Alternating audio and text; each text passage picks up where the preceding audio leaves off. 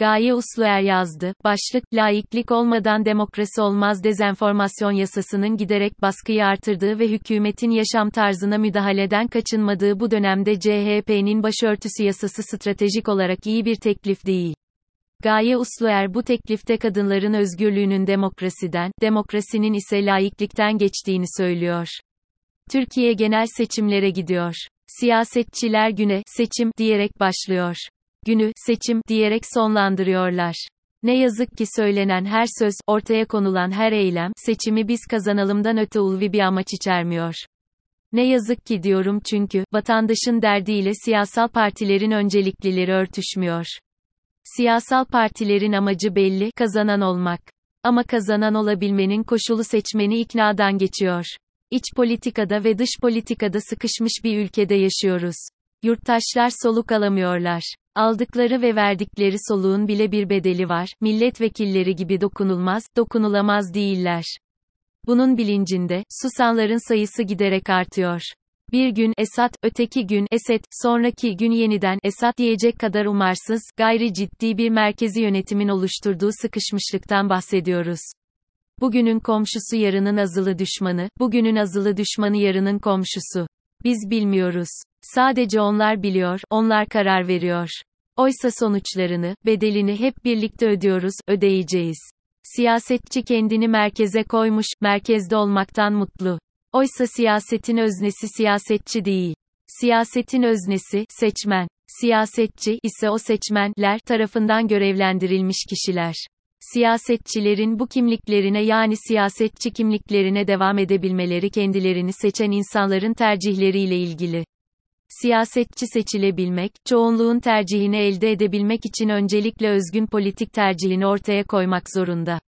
Özgün politik tercih, yurttaşın sorunlarını çözmeye odaklı olmak zorunda olduğu gibi aynı zamanda inandırıcı olmak zorunda. Dönem, ne söylesek tutar, maksat seçimi kazanmak değil mi, zamanı değil. Böyle düşünen kaybedecek. Siyasetçinin derdi, seçimi kazanan olmak. Bu ülkenin yurttaşlarının ortak derdini çözmenin formülü belli. Çok yalın, çok basit bir sorunun doğru yanıtını veren kazanacak. Bu ülkenin yurttaşları hep birlikte soruyor, insanca yaşamaya nasıl devam edeceğiz? Yukarıdaki sorunun yanıtını ayrı bir makaleye konu olacak kadar detaylandırabiliriz. Ama öncelikli ve ivedilikle ele alınması gereken eşit, adil ve demokratik düzenin inşası. Bu uzun girişi neden yaptım? Seçime 7 ay gibi kısa bir süre kaldı. Mevcut iktidar partisi tüm muhalif kesimler üzerindeki baskısını iktidar sopasını kullanarak artırmaya devam ediyor. Bir anlamda el büyütüyor. Muhalefeti hareketsizleştirme dozunu artırıyor. Seçime gidilen süreçte baskının daha da artacağı gün gibi meydanda. Muhalefet partileri şüphesiz kendilerini muhalif gibi gösterip iktidarın değirmenine su taşıyanlar değil yürüyecekleri yolun haritasını en az hata yapacak şekilde belirlemek zorunda. Gündemi belirlemek, yeni belirlenen gündeme dair zamanlama, yeni gündemi belirlerken mevcut gündemi kaçırmama önemli hususlar arasında. Geçtiğimiz haftanın başında, tam da TBMM'nin yeni yasama yılının ilk gününde TBMM Genel Kurulu'na, Dezenformasyon Yasası adıyla bir yasa teklifi getirildi topluma sosyal medyayı düzenleme yasası olarak lanse edildi. Bu yasa teklifi aslında bildiğiniz sansür yasası. İçinde otosansürü de barındıran bu yasasının amacı belli, zamanlaması bilinçli. Amaç seçime 7 ay kala tüm muhalif sesleri susturmak. Gerçek bilginin üstünü örtmek. Yolsuzlukların duyulmamasını sağlamak. Dikensiz gül bahçesinde seçim propagandasını, muhalif ses olmadan, canlarının istediği biçimde yürütebilmek. Bu yasa teklifi yasalaştığında sadece basın değil, sadece sosyal medya kullanıcıları değil hepimiz yasaklı olacağız. Bu yasanın sopası hepimizin kafasının üzerinde hazır bekleyecek. Korkutmak için, susturmak için, cezalandırmak için. Bu teklif yasalaşırsa, iktidarın turnusol kağıdı olacak. Muhalefet partileri bu turnusolü kendi lehlerine kullanmak zorundalar. Ama nasıl, adı geçen dezenformasyon yasa teklifi 4 Ekim 2022 tarihinde meclise getirildi. 4 Ekim bizim için tarihi bir gün. Çünkü tam 96 yıl önce, 4 Ekim 1926'da TBMM'de Medeni Kanun yürürlüğe girdi. Türk Medeni Kanunu bu ülkede kadını özgürleştiren, eşit birey yapan, resmi nikahı zorunlu kılan, tek eşliliği zorunlulaştıran, eşit miras hakkını oluşturan çok önemli bir yasa.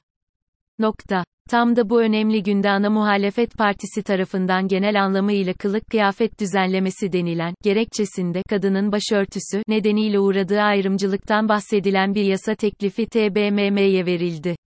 Geniş anlamda bakıldığında bugün kamuda ve kamusal alanda başörtüsü kullanımına yönelik herhangi bir kısıtlama bulunmamaktadır.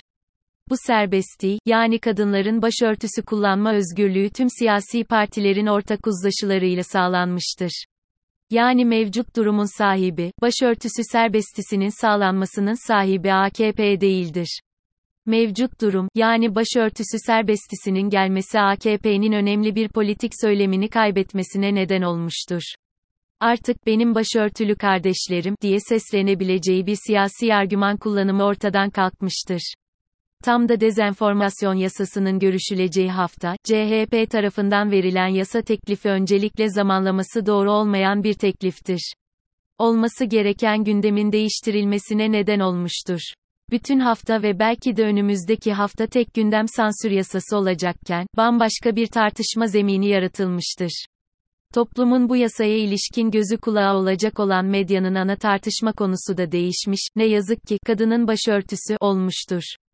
Seçim sürecinde AKP'nin şüphesiz yine de kullanabileceği, ancak artık bir anlamı olmayan konuya ilişkin yasa teklifi kadın örgütleriyle tartışılmış mıdır? Kadın örgütleri bu yasa teklifi hakkında ne düşünmektedir? Bilmiyoruz. Önceden çözümlenmiş sorunları, sorun olmaktan çıkmış konuları gündeme getirmek, mecazen kaşımak kimin işine gelecektir? Cumhurbaşkanının el büyütüp anayasa değişikliğine var mısınız söyleminin içeriği nasıl olacaktır? Muhalefet partileri yeni anayasa düzenlemesini AKP önlerine getirdiğinde ne yapacaklar? Bu yasa teklifinin TBMM'ye sunulmasının art niyetli olmadığını elbette ki biliyoruz. AKP'nin bu konuyu daha fazla istismar etmesini engellemeye yönelik bir strateji olduğunun farkındayız.